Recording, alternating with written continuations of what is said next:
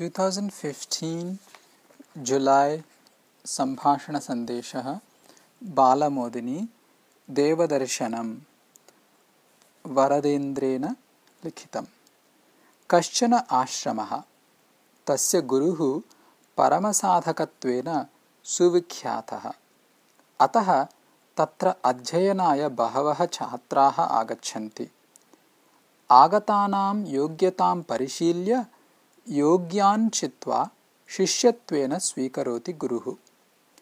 एवं शिष्यत्वेन स्वीकृतः कश्चन तरुणः तत्र दशाधिकानि वर्षाणि अयापयत्। तस्य चिन्तनं यत् अध्ययनसमाप्तितः पूर्वं गुरुः भगवन्तं दर्शयेत् इति।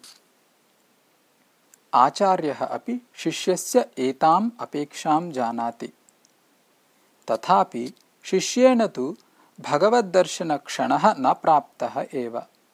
अतः कदाचित् शिष्यः गुरुम् अपृच्छत्। आचार्यवर्य भवान् भगवद्दर्शनं कदा कारयेत् इति। श्वः एव कारयितुम् अर्हेयम् इति शान्ततया अवदत् गुरुः। श्वः एव इति साश्चर्यम् उक्त्वा शिष्यः पुनः अपृच्छत् श्वः एव भगवद्दर्शनं कारयिष्यते इत्येतत् किं सत्यम् इति? आम् तत्र सन्देहः एव मास्तु। उषसि एव मत्समीपम् आगच्छ। भगवद्दर्शनं कारयिष्यामि इति अवदत् गुरुः। महता सन्तोषेण शिष्यः प्रत्यगच्छत्। श्वः अहं देवं द्रक्ष्यामि एव। एवं स्थिते किं ध्यानेन इति चिन्तयन् ध्यानमपि न कृतवान् सः। रात्रौ निद्रा अपि न प्राप्ता। प्रातः स्नानपूजाध्यानादिषु अपि तस्य मनः न लग्नम्। सः गुरोः कुटीरं प्रति धावितवान्। गुरुः अवदत् देवः द्रष्टव्यः इति तव चिन्तनं मूर्खतायै एव तथापि अस्तु नाम। कीदृशं देवं द्रष्टुम् इच्छसि त्वम् इति। किं देवे अपि प्रकाराः सन्ति? इति साश्चर्यम् अपृच्छत् शिष्यः। आम् देवः नाम कः इति त्वया किं चिन्तितम्?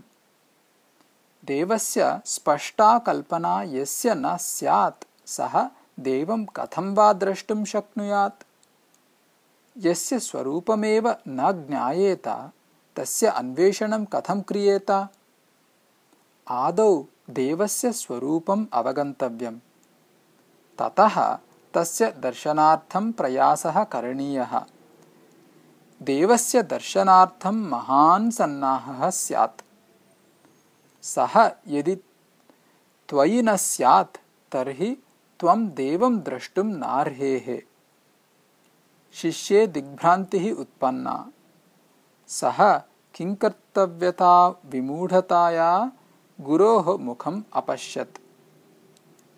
ध्याने प्रवृत्तिं कुरु। सः एव सन्नाहमार्गः इति अवदत् गुरुः